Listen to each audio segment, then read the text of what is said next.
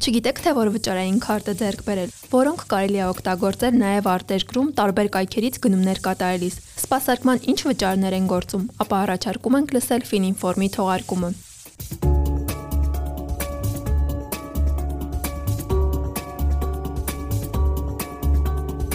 Բարև ձեզ Armen Press-ի սիրելի ունկնդիրներ, ձեզ հետ կրկին լրատվական գործակալության թղթակից Աննա Գրիգորյանն է։ Fininform-ի շրջանակում այս անգամ զրուցելու ենք Կենտրոնական բանկի սպառողների շահերի պաշտպանության եւ ֆինանսական կրթման կենտրոնի փորձագետ Դավիթ Խարատյանի հետ։ Շնորհակալ եմ հրավերն ընդունելու համար։ Ձեզ եմ շնորհակալ հրավերի համար։ Եվ այսպես խոսել ենք վճարային քարտերից, նախ ինչ է վճարային քարտը, ինչ նպատակների համար կարելի է այն օգտագործել եւ ինչ հնարավորություններ է տալիս քաղաքացուն։ Վճարային քարտը կյանքը հեշտացնող ու մարդուն բազում հնարավորություններ տվող գործիք է, ու եթե ես փորձեմ խոսել թե ինչքան հնարավորություններ է տալի ինքը մարդուն, երևի այս ոդկասթը արդեն ավարտվի ու այս հարցով սահմանափակվենք, դրա համար կնշեմ այն ամենահիմնական հնարավորությունների մասին։ Ուրեմն վճարային քարտով կարելի է ստանալ աշխատավարձ կամ այլ դրամական միջոցներ, կատարել վճարումներ առևտրի եւ սպասարկման կետերում, բանկոմատ խորհրդատների կամ արցանց հարթակների միջոցով կատարել կոմունալ վճարումներ կամ այլ վճարումներ, իրականացնել առևտուր ինտերնետում, այսինքն on-line գնումներ,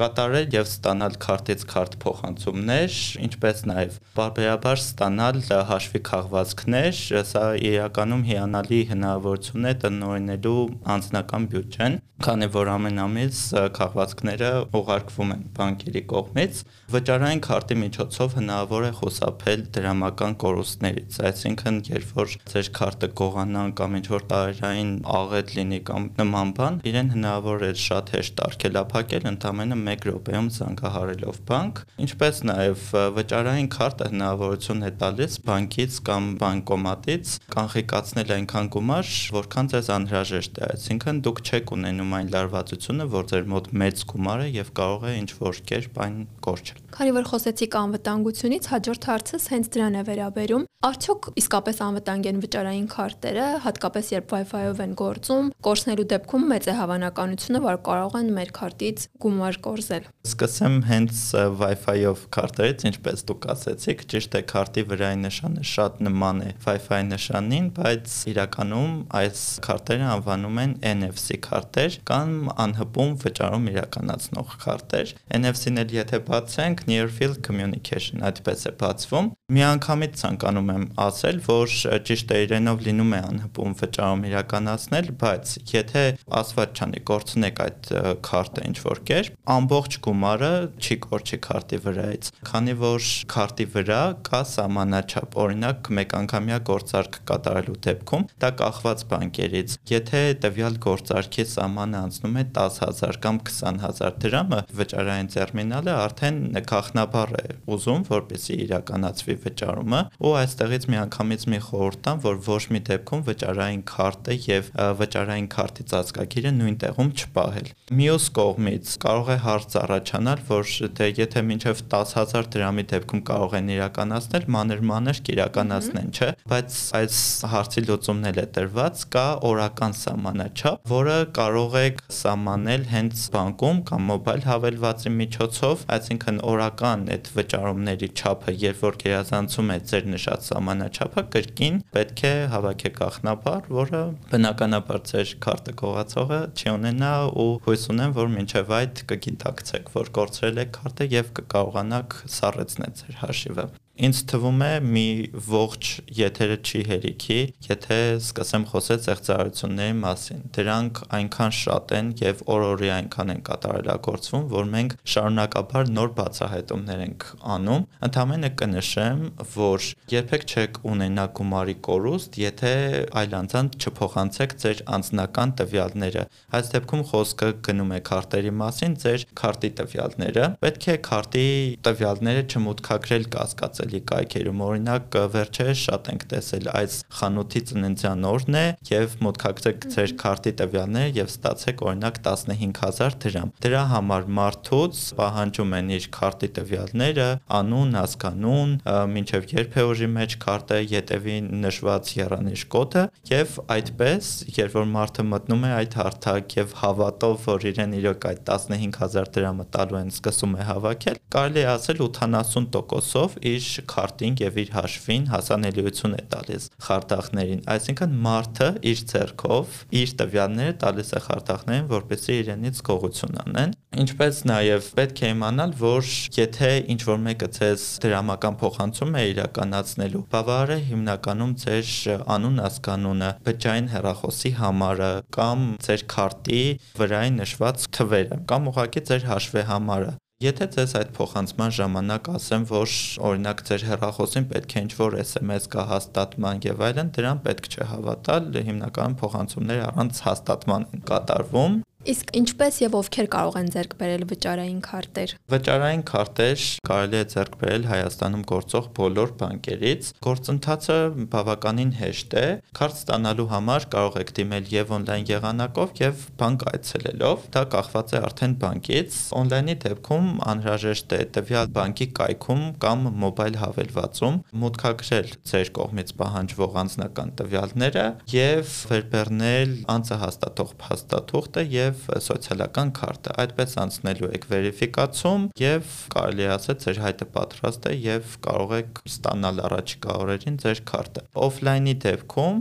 կամ բանկ այցելելու դեպքում իմ նշած փաստաթղթերը պարզապես պետք է ունենաք ձեր մոտ։ Քարտը պատրաստ է լինում 2-ից 7 աշխատանքային օրերի ընթացքում ու ինչպես ձեռք բերեք, կարող եք եւ այցելել բանկ, այնտեղից ձեռք բերել եւ առաքման միջոցով, սա նույնպես կախված է բանկից եւ իր կողմից ներկայացվող առաջ առաջարկեց։ Ինչ մնում է, ովքեր կարող են ձեռք բերել վճարային քարտ, 14 տարեկանից սկսած հնարավոր է ձեռք բերել վճարային քարտեր, իսկ ավելի փոքր տարիքի երեխաների համար ծնողները կարող են պատվիրել իրենց քարտին kids քարտեր, ինչպես նաև վճարային քարտ կարող են ձեռք բերել ուսանողներն իրենց կրթաթոշակները տնօրինելու համար, թոշակառուները։ Իսկ ինչ է նշանակում քարտին kids քարտեր, ինչ հնարավորություններ դա կարող է տալ։ Այսինքն նույն հաշվին, եթե օրինակ ծնողի հաշիվն է, բացվում է եւս մեկ քարտ երեխայի անունով ու այդ երեխան նույնպես կարողանում է սպառել այդ հաշվից որևէ չափի գումար։ Երկու քարտով էլ կարելի է գումար կանխիկացնել։ Այո։ Իսկ քարտի ձեռքբերման եւ սպասարկման ինչ վճարներ են գործում։ Նաեւ կուզեմ անդրադառնալ կից քարտերին, եթե կից քարտեր են վերցնում երեխաների համար, այդ դեպքում սպասարկման վճարը փոխվում է։ Բանկային քարտն ունենալն իրենից ենթադրում է մի քանի տեսակ վճար վճարների արկայություն, կախված բանկից եւ առաջարկվող քարտատեսակից վճարները կարող են տարբերվել, կարող է լինել նույնիսկ անվճար, օրինակ թոշակառուների համար արկա քարտերը։ Դրանք անվճար են տրամադրվում։ Հիմնական վճարներն են քարտի թողարկման կամ տրամադրման վճարը եւ տարեկան սպասարկման վճարը։ Որոշ դեպքերում կարող են լինել նաեւ այնպիսի վճարներ, ինչպեսիք են օրինակ այլ բանկերի բանկոմատից կանխիկացման վճար, SMS ծանուցումներ ստանալու վճար, դրան ծանոթ կլինեք երևի, օրինակ երբ ձեր հաշվին գումար է ավելանում կամ որևէ գումար է պակասում, ձեզ SMS է գալիս, կամ բանկեր, որոնց մոտ անվճար է, կամ բանկեր, որոնց մոտ վճարով է, դա նույնպես բանկից է կախված։ Հավելյան կամ kids քարտ ունենալու համար կարող է լինել վճար, քարտը կարճ ժամկետում ստանալու վճար, քարտի կորստի, գողացման կամ PIN ծածկագիրը մոռանալու դեպքում լինում է քարտի վերաթողարկում եւ դա նույնպես կարող է լինել վճարովի, ինչպես նաև քարտի արգելափակման կամ ապա արգելափակման համար կարող է կանձվել վճար։ Իսկ մոտավորապես ինչ վճարներ են գործում։ Վճարները կախված են բանկերից, դրա համար կոնկրետ այդպիսի թիվ չեմ կարող նշել, Իսկ վճարային քարտերի ինչ տեսակներ են գործում, ինչպես ճիշտ ընտրել քեզ հարմար վճարային քարտը, եւ այդ քարտերով կարելի է փոխանցումներ անել արտերկրիր, ինչպես նաեւ գցել ինչ որ բջջային հավելվածների։ Ընդհանրապես վճարային քարտերը դասակարգվում են ըստ մի քանի չափանիշների։ Երևի հենց ձեր հարցի են երկրորդ մասից սկսեմ փոխանցումների հետ կապված։ Փոխանցումներ իրականացնելը արտերկիր մասնավորապես կապվում է վճարային համակարգի հետ։ Հայաստանում գործում է արկա վճարային համակարգը Armenian Card եւ գործում են նաեւ միջազգային քարտեր Visa, Mastercard, American Express եւ Diners Club քարտերը։ Իմ նշած միջազգային քարտերով հնարավոր է իրականացնել փոխանցումներ դեպի արտերկիր։ Արկա քարտով հիմնականում փոխանցումները, վճարումները, ընդհանուր գործողությունները իրականացվում են Հայաստանում։ Այստեղ բացառություն է կազմում արկա Mir քարտը, որի օգտագործումը վերջերս շատ լայն տարածում է ստացել կապված վերջին իրադարձությունների հետ եւ արկա Mir քարտով կարելի է փոխանցումներ իրականացնել դեպի Ռուսաստան եւ այն երկրները, որոնք սպասարկում են Mir համակարգը Խոսեմ եւս մեկ կարևոր դասակարգման մասին, այն է ըստ նպատակայնության ինչ քարտեր կան։ Այդ կերպ քարտերը լինում են 3 տեսակի՝ դեբետային, վարկային կամ այլ կերպ անվանում են կրեդիտային եւ հաշվարկային։ Դեբետային քարտերի միջոցով կառավարում եք ձեր ֆինանսները, այսինքն ստանում եք աշխատավարձ, կատարում եք փոխանցումներ, վճարումներ, մի խոսքով տնօրինում եք ձեր քարտը։ Վարկային կամ կրեդիտային քարտերի դեպքում անունը արդեն իսկ հուշում է, երբ բանկը բանկը օրինակի համար ձեզ 200.000 դրամ է տրամադրում, բայց ոչ թե կանխիկ արծերն եղանակով, այլ անկանխիկ եղանակով, այսինքն քարտի միջոցով։ Հետո դուք այդ քարտի 200.000 դրամը կարող եք կամ հենց քարտով վճարումներ իրականացնել, կամ կանխիկացնել այդ գումարը, մի խոսքով ինչ ուզում եք կարող եք անել, եւ սրանց միավորումը դա հաշվարկային քարտն է։ Ինչա ինքը իրանից ենթադրում, այսինքն երբ որ դուք դրանով կարող եք թե աշխատավարձ ստանալ, թե ձեր գումարը տնօրինել, ստանալ եւ միաժամանակ դիմել նաեւ ստանալու համար վարկ, այսինքն այս դեպքում overdraft, երբ որ քարտը ունենում է վարկային գծի հնարավորություն։ Մեր օրերում հաճախ այս անունները խառն են օգտագործվում։ Դրա համար, եթե իմ նշած ֆունկցիաները իմանաք, հնարավոր կլինի արդեն ճիշտ կողմնորոշվեք, այսինքն մի դեպքում միայն տնորինում եք, ինչպես ցանկանում եք օգտագործում եք այդ քարտը, մի դեպքում այն նախատեսված է միայն վարկ ստանալու համար, վարկ վարկային քարտը իրենից ներկայացնում եւ երրորդը դրանց համախումբն է այսինքն կարողանում եք եւ այդ քարտը օգտագործել աշխատավարձի համար, տնօրինելու համար եւ նաեւ ունենալ վարկային գծի հնարավորություն եւ ստանալ overdraft առանձնացնեմ եւս մեկ դասակարգում ըստ օգտագործման տեխնոլոգիայի։ Եթե վերցնեք ձեր քարտը եւ շրջեք, գետնամասում կտեսնեք keys կամ ժապավեն, դա մագնիսական քարտն է։ Այս մագնիսական ժապավենը իր վրա պարունակում է ողջ ինֆորմացիան։ Եթե նայեք քարտի դիմային հատվածը եւ տեսնեք, որ այնտեղ ուղանկյունաձև չիպ կա, արդեն անունը հուշում է, սա չիպային քարտերն են։ Իսկ սրա նրանց համախումբը, այսինքն երբ որ քարտի վրա կա եւ չիպ եւ ետնային հատվածում կա մագնիսական ժապավեն, սրանք հիբրիդային քարտերն են եւ հիմա թե գրեթե բոլոր քարտերն այդպեսին են, որովհետեւ դրանք ավելի անվտանգ են։ Մի դասակարգում էլ ասեմ ու վերջ ըստ ֆիզիկական արկայության։ Մեկը հենց մեր դրամապանակներում արկա քարտերն են, իսկ մյուսը դա վիրտուալ քարտերն են, այսինքն պետք չի սենց հենց ձեր ձեռքում ունենալ, այլ քարտը կարող է կցված ստացված լինել ձեր մոբայլ հավելվածին եւ դրանով նույնպես կարող եք իրականացնել թե անհպում վճարումներ, թե փոխանցումներ եւ թե վճարել post terminal-ի միջոցով։ Վճարային քարտը կարող եք կցել արկա հավելվածին, Apple Pay-ին, էլեկտրոնային դրամապանակներին։ Այստեղ մի խորհուրդ ոչ ոքի չփոխանցել այն հավելվածի գաղտնաբառը կամ ընդհանրապես մուտքի տվյալները, որոնց կցված է ձեր քարտը, որպեսզի ոչ մի հասանելիություն չունենա։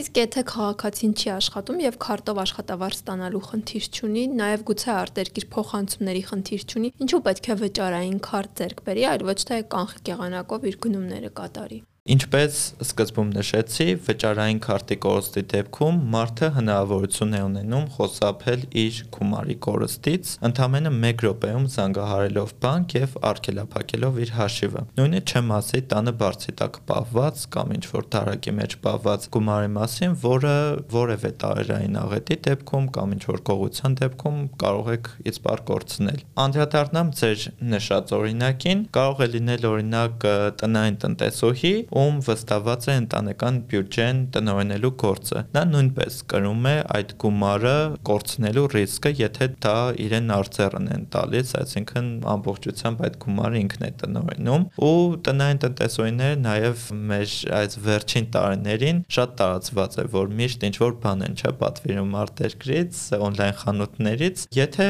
չունենան քարտ, սա իրականում դժվար կլինի։ Պետք է ինչ որ մեկին խնդրեն կամ ավելի դժվար եղանակով պատվիրեն, ինչպես նաև բոլորը ցանոթ է կոմունալ վճարումներ իրականացնելու ժամանակ գոյացող հերթերը։ Իրականում վճարային քարտ ունենալու դեպքում օգտագործելով մոբայլ հավելվածը օրինակի համար կարող են ընդհանրեն մի քանի հպումով շահել ժամանակ եւ իրականացնել այդ վճարումները եւ այդ ժամանակը տրամադրել իրենց ուրիշ զբաղմունքին կամ մտերիմներին Եվս մի բան ավելացնեմ այստեղ, վճարային քարտեր կան, որոնց վրա կուտակվում է տոկոս մնացորդի հաշվին։ Հենց բերեմ իմ օրինակով, ես ինքս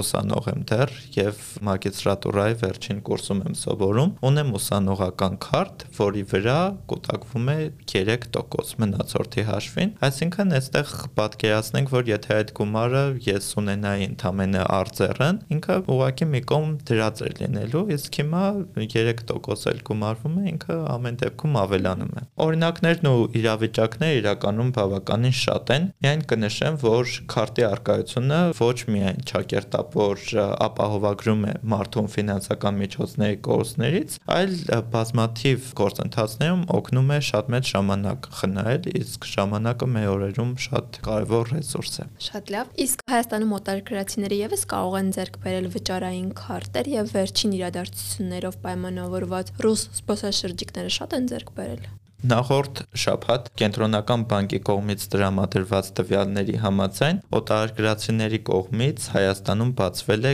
20860 բանկային հաշիվ։ Յուրաքանչյուր բանկ ինքն է օրենքով սահմանված կարգով նույնականացնում իր հաճախորդին եւ բացում հաշիվներ։ Կան որոշակի նրբություններ, որոնք կախված են կոնկրետ քարտատեսակից եւ բանկից։ Ընդհանուր առմամբ կասեմ, որ Հայաստանի բանկերը անխոչնդոտ ապահովում են նոր հաճախորդների բանկ բանկային ծառայություններից սպասարկումը։ Իսկ 20000-ից ավելի թիվը ինչ ժամանակահատվածին էր վերաբերում։ 1 ամսվա կտրվածքով։ Եւ վերջում ինչ խորտ կտակ այն մարդկանց, ովքեր ունեն վճարային քարտեր կամ ցանկանում են ձեռք բերել։ Առաջին խորհուրդը, որ կտայի, օգտվելն է Fininfo.am ծառայությունների համեմատման գործիքից։ Գործիքը մշակվել է կենտրոնական բանկի կողմից եւ եթե չունեք վճարային քարտ ու ցանկանում եք ձեռք բերել այն, բայց չգիտեք որտեղից, մուտք եք գործում Fininfo.am, այստեղ բոլոր բանկերը դեռացրել են իրենց բոլոր ծառայությունների մասին եւ բոլոր քարտատեսակները ներկայացված են այնտեղ։ Այսինքն, որpիսի ձեզ ամենահարմարը գտնեք, պարտադիր չի այցելեք տվյալ բանկեր, տվյալ բանկերի կայքեր, այլ այդ բոլոր քարտատեսակներ ներկայացված են մեկ հարթակում։ Կարող եք որոնել, ֆիլտրներ դնել, ընտրել ձեր նախընտրածները